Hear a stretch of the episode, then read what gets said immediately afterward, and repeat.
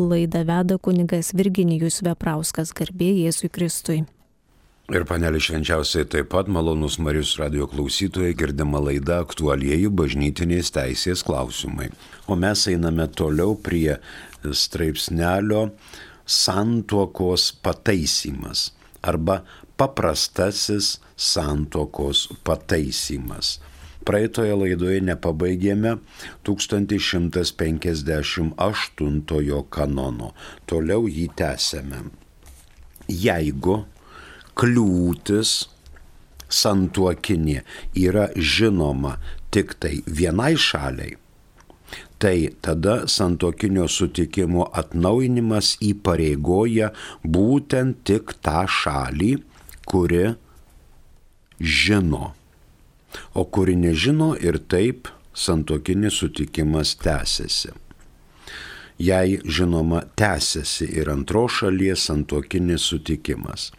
Jei apie kliūtį santokinę žino abu sutuoktiniai, tada įpareigoja abu ir atnaujina santokinį sutikimą abu Trumpiau tariant, pirmasis paragrafas 1158 tai faktiškai nėra pataisimas, o nauja celebracija. Bent slaptai. Bent slaptai. Galime žvilgterėti į 1130 kanoną dėl svarbios ir skubios priežasties vietos ordinaras gali leisti santuoką celebruoti slaptai. Tai yra pirmas paragrafas. Dabar antras paragrafas. Jei bent viena iš šalių nesilaiko santuokinio sutikimo arba šį santuokinį sutikimą atšaukia, tada nustoja galiot būtent abipusinis santokinis sutikimas. Ir žinoma atsiranda didelė valia nebūti sutuoktiniu. Bent vienai iš šalių. Bet gali būti, kad nesutinka pratesti santokinį sutikimą ir abi šalys. Tada paprastasis pataisimas netaikomas. 1158 pasiaiškinome, du paragrafai dabar fiksuojame. Pirmas. Jei kliūtis yra vieša, abi šalys sutikimą turi atnaujinti pagal kanoninę formą, liekant galioti 1127 antrajam paragrafo, antrojo paragrafo nuostatai. Antrasis jei kliūties neįmanoma įrodyti. Pakanka, kad sutikimą privačiai ir slapta atnaujintų šalis, žinanti apie kliūtį, jei tik kita šalis laikosi duoto sutikimo, arba abi šalys, jei kliūtis yra žinoma abiem. Kitas 1159. Trys paragrafai. Santuoka negaliojanti dėl sutikimo trūkumo pataisoma. Jei šalis, kuri nesutiko, jau sutinka. Jei tik išlieka kitos šalies duotas sutikimas. Antrasis jei sutikimo trūkumo įrodyti neįmanoma, pakanka, kad šalis, kuri nesutiko, privačiai ir slapta duotų sutikimą. Ir trečiasis, jei sutikimo trūkumą galima įrodyti, būtina, kad sutikimas būtų duotas pagal kanoninę formą. 1159 dėl santuokinio sutikimo trūkumo. Čia šita priežastis yra. Čia aptariamas santuokos pataisimas. Ir pakanka, kad šį santokinį trūkumą galima būtų arba įrodyti, arba ne. Vienu atveju jis yra įrodomas, kitu atveju tikrai ne. 1057 padeda.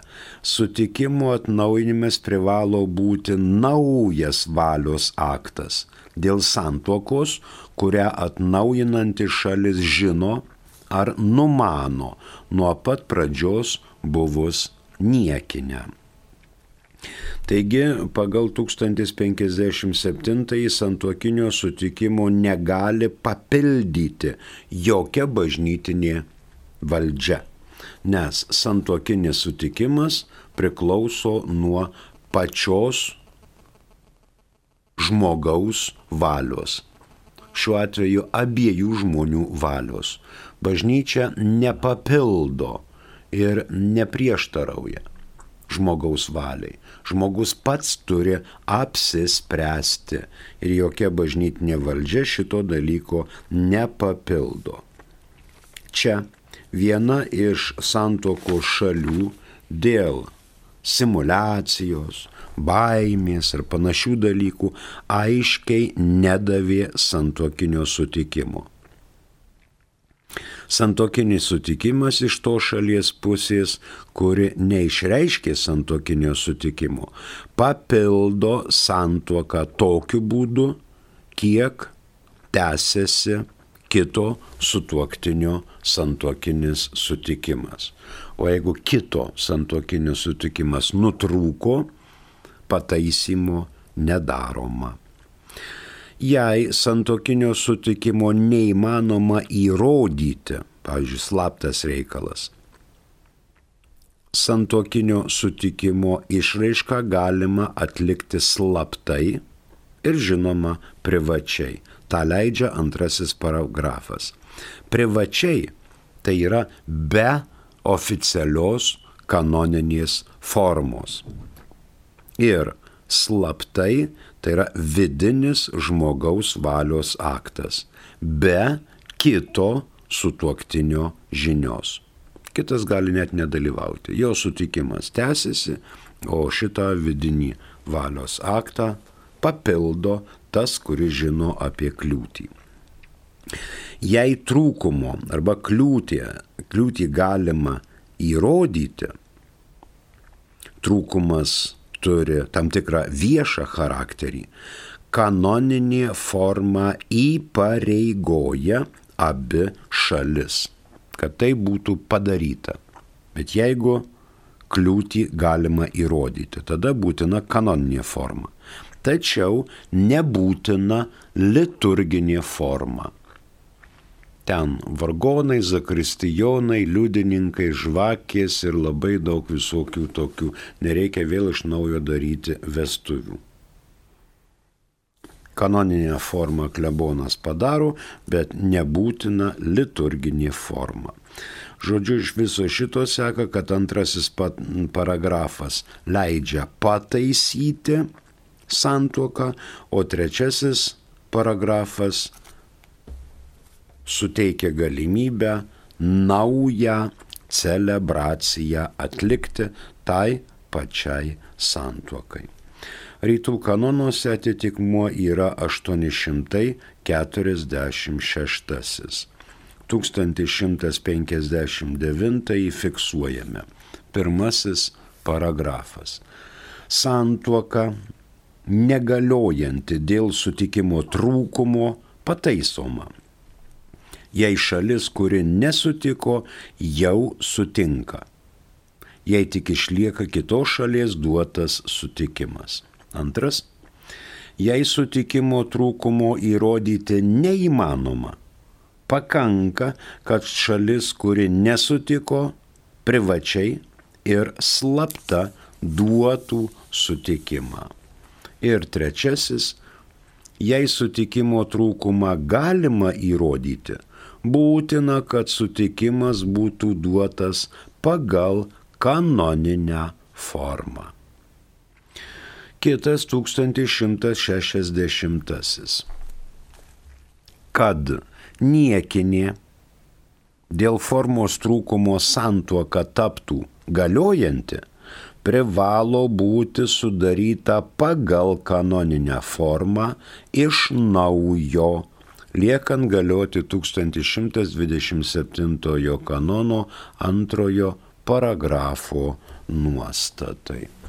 Mus pasiekė esame žinutė, prašom. Garbėjėsui Kristui, ar sutvirtinimo sakramentas galioja, jei tikras tėvas atstovavo savo sūnui kaip sutvirtinimo tėvas? Galioja. O ko jis gali negalioti tas sutvirtinimas? Galioja. Galioja. Jeigu aišku buvo atitinkamas dvasininkas, kuris teikė sutvirtinimą. Pavyzdžiui, diakonas negali teikti sutvirtinimo sakramento. Sutvirtinimo sakramentą gali teikti kunigas arba vyskupas.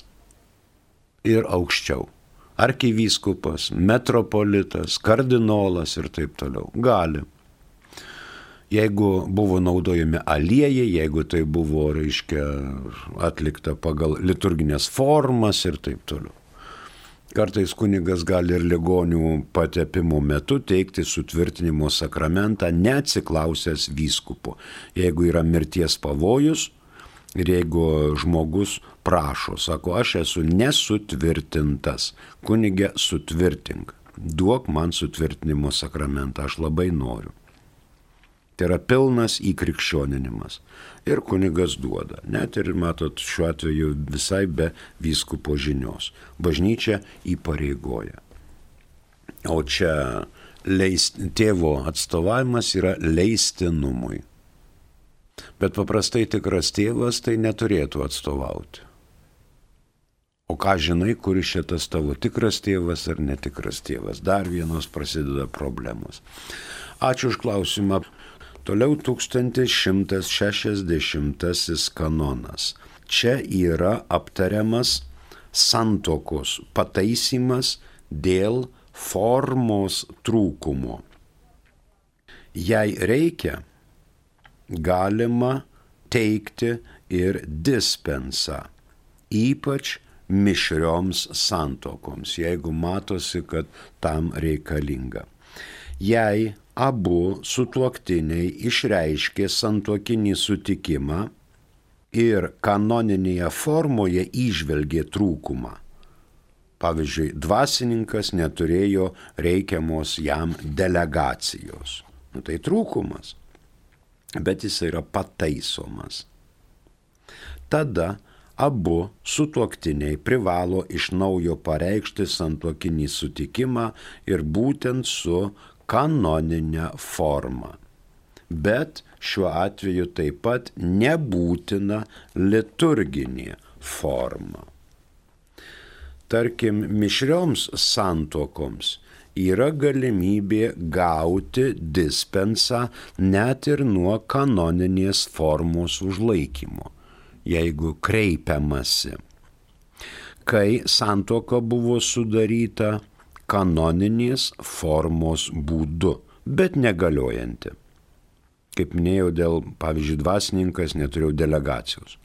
O dabar abi šalys prašo dispensos nuo kanoninės formos užlaikymo, ketindamos santokinį sutikimą pareikšti, pavyzdžiui, prie kitos bendruomenės dvasininko arba kokią nors kitą viešą formą. Trumpai tariant, kliūtis dėl kanoninės formos santokinio negaliojimo gali būti paprastai pataisoma be naujos santokinės celebracijos. Gali būti. 1160 atitikmuo rytų kanonuose yra 847. Tai 1160 baigia mintis apie paprastąjį pataisymą. Dabar kitas straipsnelis 1161 prasideda sanacija iš pagrindų.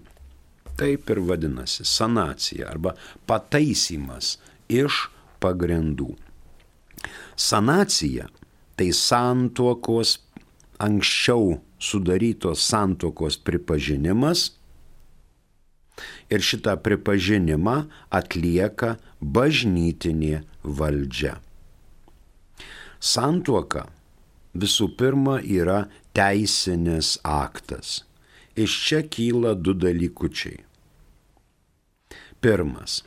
Santuokinis sutikimas kyla ir noras sudaryti santuoką kaip santokinio ryšio priežastis. Valia. Nori abu sutuoktiniai. Antras dalykas - santokos prieimimas tai yra tam tikra teisinė tvarka. Kur yra teisė, ten gali būti ir atskiri atvejai. Kliūtys, formalūs reikalavimai ir panašiai. Negali tuoktis, pavyzdžiui, stiprūs nepilnamečiai be teismo sprendimų. Negali tuoktis, reiškia, vyras ir moteris, pavyzdžiui, sūnus su motina, na ir taip toliau. Tų visų teisinių reikalavimų yra daug jeigu šitie formalūs teisiniai reikalavimai nevykdomi, dėl to silpnėja arba iš vis išnyksta teisinis santuokinis sutikimas. Tai dabar ir eikime prie sanacija iš pagrindų, kurį pradeda 1161 kanonas. Mus pasiekė dar žinutė, prašom. Šiandien prasideda didieji Žemaičių kalvarijos atlaidai. Ar būtina, kad atlaidus pelnyti eiti Žemaičių kalvarijos kalnus, ar užtenka dalyvauti šventosiuose mišiuose? Reikia pasižiūrėti į skelbimus, kas skelbiama. Skelbiama yra taip, kad norint dalyvau, gauti atlaidus pelnyti, reikalinga atlikti išpažinti, priimti šventąją komuniją, dalyvauti atlaidų mišiuose. Dalyvauti, nuvažiavus, ne per atstumą. Nuvažiavus dalyvauti. Na ir žinoma, praeiti kryžiaus kelius. Dabar, jeigu Vilniaus santaros klinikose žmogus klausosi radio, ir ten dalyvauja žemaičių kalvarijos atlaiduose, jis nėra pajėgus fiziškai nuvažiuoti ir ten būti. Nėra pajėgus fiziškai apeiti kryžiaus kelius. Bet yra pajėgus daug ką atlikti ir išpažinti, ir komuniją, ir nebūti prisirišęs prie jokios, kad ir lengvos nuodėmės. Reiškia pasiryšti, Dieve nebenusidėsiu, šventai toliau gyvensiu ir mintimis, ir kūnu, ir artimui, ir savo, ir Dievui. Tai tokie dalykai galioja. Bet reikia dar su to kryžiaus kelio ėjimu, tai yra liaudės pamaldumo tradicija. Labai mėla apeiti žemaičių kalvaryjoje tuos kryžiaus kalnus. Tik dabar, kai yra oras toksai, tai naudojame galvos apdangalą, skarą, skrybelę, skepetą, beretę, dar ką nors. Ir su savim šalia maldaknygės ir rožančiaus turime vandens talpą. Kas pusę valandos, gal ir dažniau darome gurkšnelį. Gurkšnelį būtina, kad nenusloptų, nenualptų, nes greitosios, aišku, ten būdi, tačiau kam provokuoti, jeigu taip karšta, reikia pasisaugoti save ir kitus, kad nebūtų šurmulio, o kažkas nuolpo reikia pribėgti, gaivinti, paguldyti ten ir taip toliau. Man atrodo, kad užtenka dalyvauti mišiuose, tačiau jeigu jau yra galimybė, apeikit kryžiaus kelius ir išpildykit kitus, kitas sąlygas. Ačiū. Dar mums kažkas atvyko, prašom garbėzui Kristui, tarybinių laikų santuoka krikštyti, santuoka bažnyčioje vieno iš tėvų pageidavimų, santuoka iš reikalo, bažnyčios nelankėme, nepraktikavome, amžino įsipareigojimo nesupratome, civilinė santuoka nutraukta prieš 13 metų. Dėkojame. Klausimo nėra. Mhm, klausimų nėra. Čia yra fakto konstatavimas. Dabar skaitome tarybinių laikų santoką. Būna ir fašistinių laikų santoka. Būna.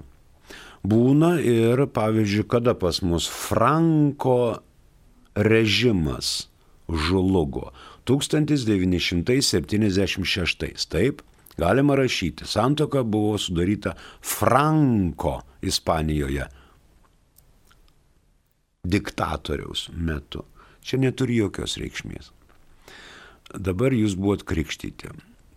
Santoka bažnyčioje buvo vieno iš tėvų pageidavimų. Tai buvo pageidavimu, bet ne prievarta.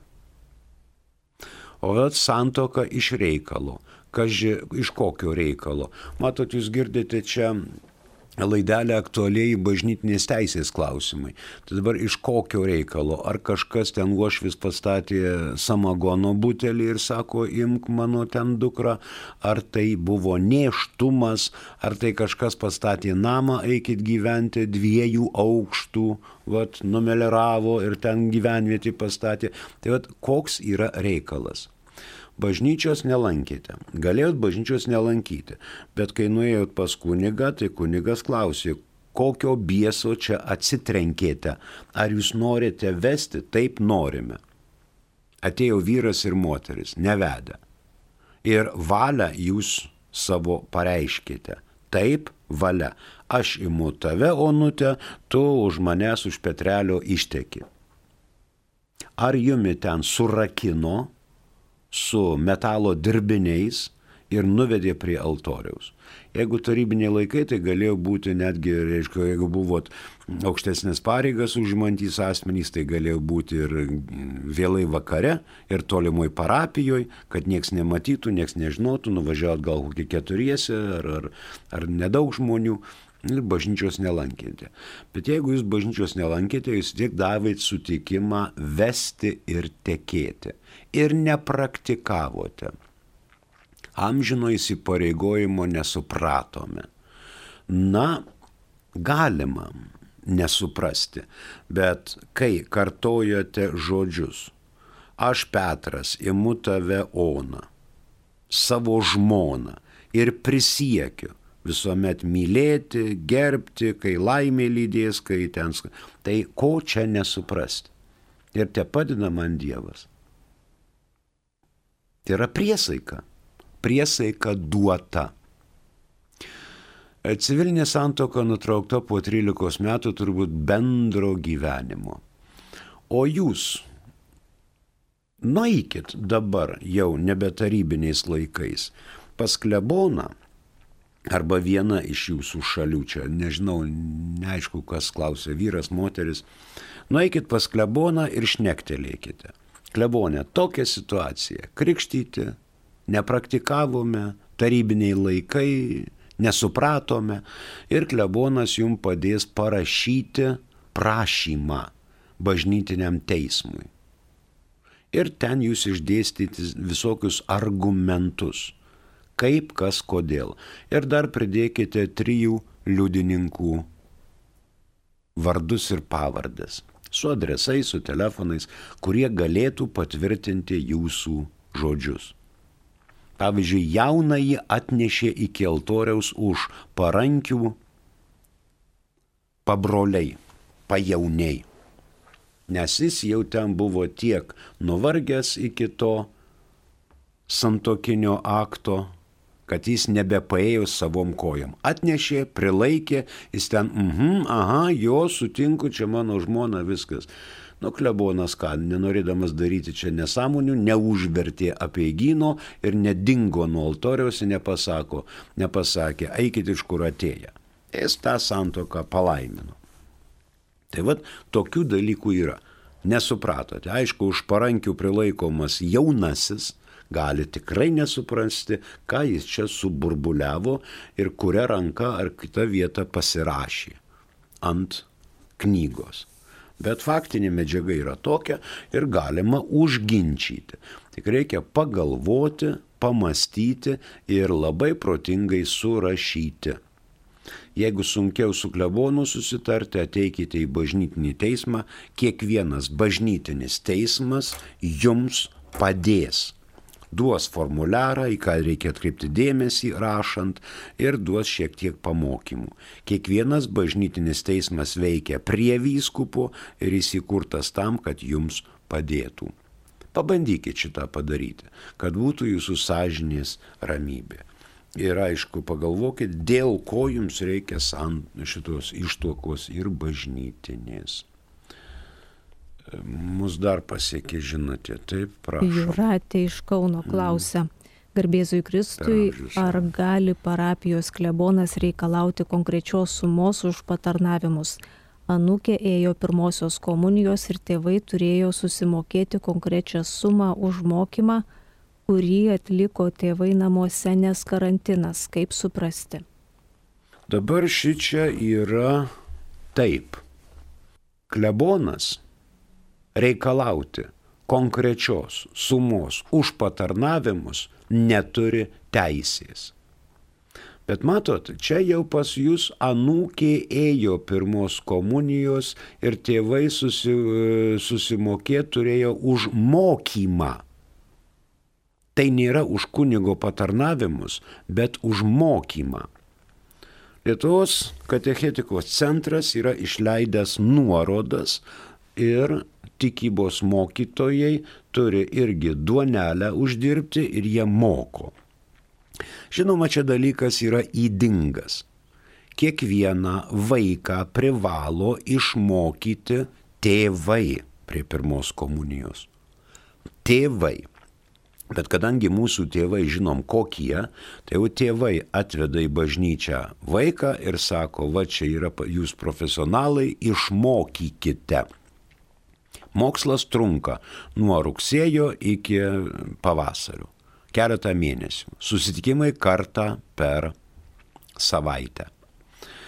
Šalia to yra sportas, šalia to yra smūikas, šalia to yra šokiai ir tas vaikas yra užkrautas didžia, didelė dalimi visokių rūpestėlių.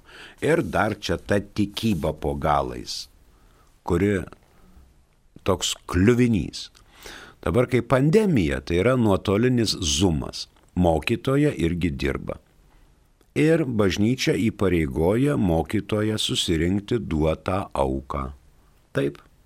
Bet klebonas reikalauti už patarnavimus neturi teisės, o už mokymą tikybos mokytoja turi teisę. Kad ir vaikas nuotoliniu būdu mokėsi. Tai yra ir programų paruošimas, ir, ir visa kita. E, čia negalvokit, kad čia vienetiniai klausimai. Čia kiekvienais metais, kiekviena parapija gauna tokių klausimų, kai pradeda mamytės ir tėveliai žaksėti nuo tų dalykų, kad čia reikia, kam čia reikia, čia bažnyčia, čia uždyka ir taip toliau. Bažnyčia teikia sakramentus, žinoma, uždyka, bet mokytis prieiti prie šitų sakramentų sampratos, prie dalykų, kurių privalo žmogus mokėti, žinoti. Tai jau čia yra mokymas. Tas pats ir sutoktinių pasiruošimo kursai, ir krikštas, ir sutvirtinimas, ir pirma komunija, ir taip toliau. Čia yra mokymas. Nors pagal bažnyčios mintį mokyti vaiką prie pirmos komunijos privalo tėvai. Tėvai gali atvesti vaiką ir sakyti, jis moka net persižegnuoti ir su kokiam dviem, trim klaidom sukalba tėvę mūsų. Tai dabar tu leisk šitą vaiką prie pirmos komunijos. Jokių būdų ne.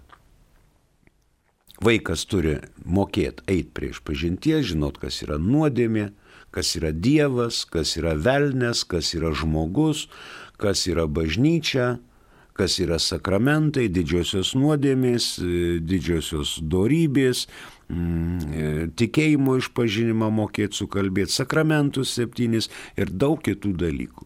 Jeigu tėvai viso šito pagal programą išmoko vaiką, klebonas patikrina ir tikrai gali leisti. Ir tada užmokymą niekas iš jūsų lėšų ir brangiai uždirbtų pinigėlių nereikalaus.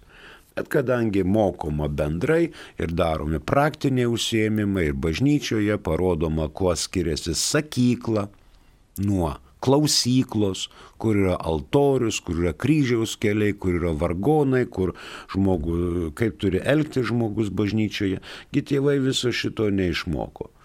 Paprastai dabartiniai tėvai va taip lengvai įsliūkina į bažnyčią, atsistoja kampelyje, pasižiūri, kas ten prieki, koks ten šau vyksta ir paskiau išeina.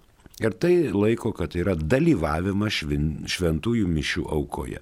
Taip kad nors vaikas šiuo metu jau yra supažindinamas su tam tikromis liturgiminėmis tvarkomis o tėvelių susirūpinimą ir reiškia tokį, tokių klausimų daugybę, tai tikrai, tikrai, tikrai mes susidurėme. Reikia kiekvienais metais po trupučiuką tėveliams aiškinti, nes tie vaikai, kurie buvo, tai išėjo, o dabar tie, kur gimė, jau pas mus vėl ateina. Ir pradeda mes juos mokyti. Nuo rugsėjo vėl daromos grupės ir turbūt jau nebe nuotoliniu būdu, o gyvai tikybos mokytojai ruoš prie sutvirtinimo sakramento ir prie pirmos komunijos. Daug vaikų yra labai su bėdomis, tokie ne tai, kad nemokytini, bet hiperaktyvūs ir jiem reikia specialios terapijos, kad jie pradėtų nors ką nors mokytis. Ačiū. Primenu, kad girdite laidą aktualieji bažnytinės teisės klausimai. O mes einame prie 1161 kanono. Pradedam aiškinti. Sanacija iš pagrindų neįsako atnaujinti santuokinio sutikimo. Sanacija pati neteikia dispensos, bet prašo dispensos nuo santokinės kliūties arba nuo kanoninės formos. Ir būtent ši sanacija nukelia kanoninius padarinius į praeitį. Teisiškai nevaisinga santuokinė padėtis, kai tvera santuokinis sutikimas gražinama į pirminę padėtį. Prieš du metus sudaryta santuoka, nuo tada jinai yra ir galiojanti sanacijos malonės dekretu. Čia suprantama sanacija iš pagrindų, kai yra santuoka ardančios kliūtys arba santuoka ardanti kliūtis. Arba trūksta neišlaikyta kanoninė forma. Ir tai nuo pat santuokos sudarimo momento. Bet tuo metu nereikia santuokinio sutikimo atnaujinimo. Norint pašalinti kliūtis iš šaknų arba norint pašalinti kliūtis šaltinį, taikoma dispensa prašoma vietos ordinaro, kad būtų suteikta dispensa, kad galima būtų taikyti sanaciją iš pagrindų. Sanacija kyla nuo pat santokos pradžios, nes yra teisiniu aktu pataisoma. Sanacija nuo malonės pasirašymo momento. Sanacija turi savo datą praėjus po santokos. Bet veikia atgal į santokinius padarinius, nebent ką kita bus pažymėjusi bažnytinė administracija. Sanacija teikiama, kai abi šalys nori tęsti santokinį gyvenimą Čia sprendžia abi šalys. Aišku, yra jautru, jei viena šalis nesutinka tęsti santokinio sutikimo, tada sanacija neteikiama. Privalo santokinį sutikimą duoti abi šalys. Lygiai tas pats net vienam ir net nežinant turi abi dvi šalys žinoti. Ten vaikų klausimas, turtas, ekonominiai reikalai jau daromi nuo pat santokos pradžios ir santoka yra laikoma sanuota laiko atžvilgiu, bet galiojanti nuo pat pradžios. Sanacija savyje neteikia dispensos nuo kliūties ar reikalavimo užlaikyti formą, ar, reiškia, pačios sanacijos, bet yra sanacija atskiras pripažinimo aktas, kuris sudaro papkytę, o ten telpa dispensa nuo kliūties ar kliūčių, arba nuo formos, nuo reikalavimo užlaikyti formą, tai yra sudaroma ne vienas lapelis, bet jau tai yra daug popieriukų. 1161 pabaigėme ir fiksuojame rytų kanonuose, tai yra atitikmuo 848-849 antra dalis. Fiksuojam. Negaliojančios santokos sanacija iš pagrindų yra kompetentingos valdžios suteiktas jos pataisimas, net naujinant sutikimo, apimantis dispensą nuo kliūties, jeigu tokia būtų, ir nuo kanoninės formos, jei jos nebuvo laikytasi, ir kanoninių padarių, padarinių nukėlimą į praeitį. Antras. Pataisimas atsiranda nuo malonės suteikimo momento tačiau retrospektyvumas suprantamas kaip besitęsiantis iki santokos sudarimo momento, jei aiškiai nėra nustatyta kitaip. Ir trečias, sanacija iš pagrindų neturi būti teikiama, jei nėra tikėtina, kad šalys nori tęsti santokinį gyvenimą. Čia laidą ir baigėme, ačiū už klausimus, prie mikrofono dirbo kunigas Virginijus Veprauskas, ačiū ir sudė.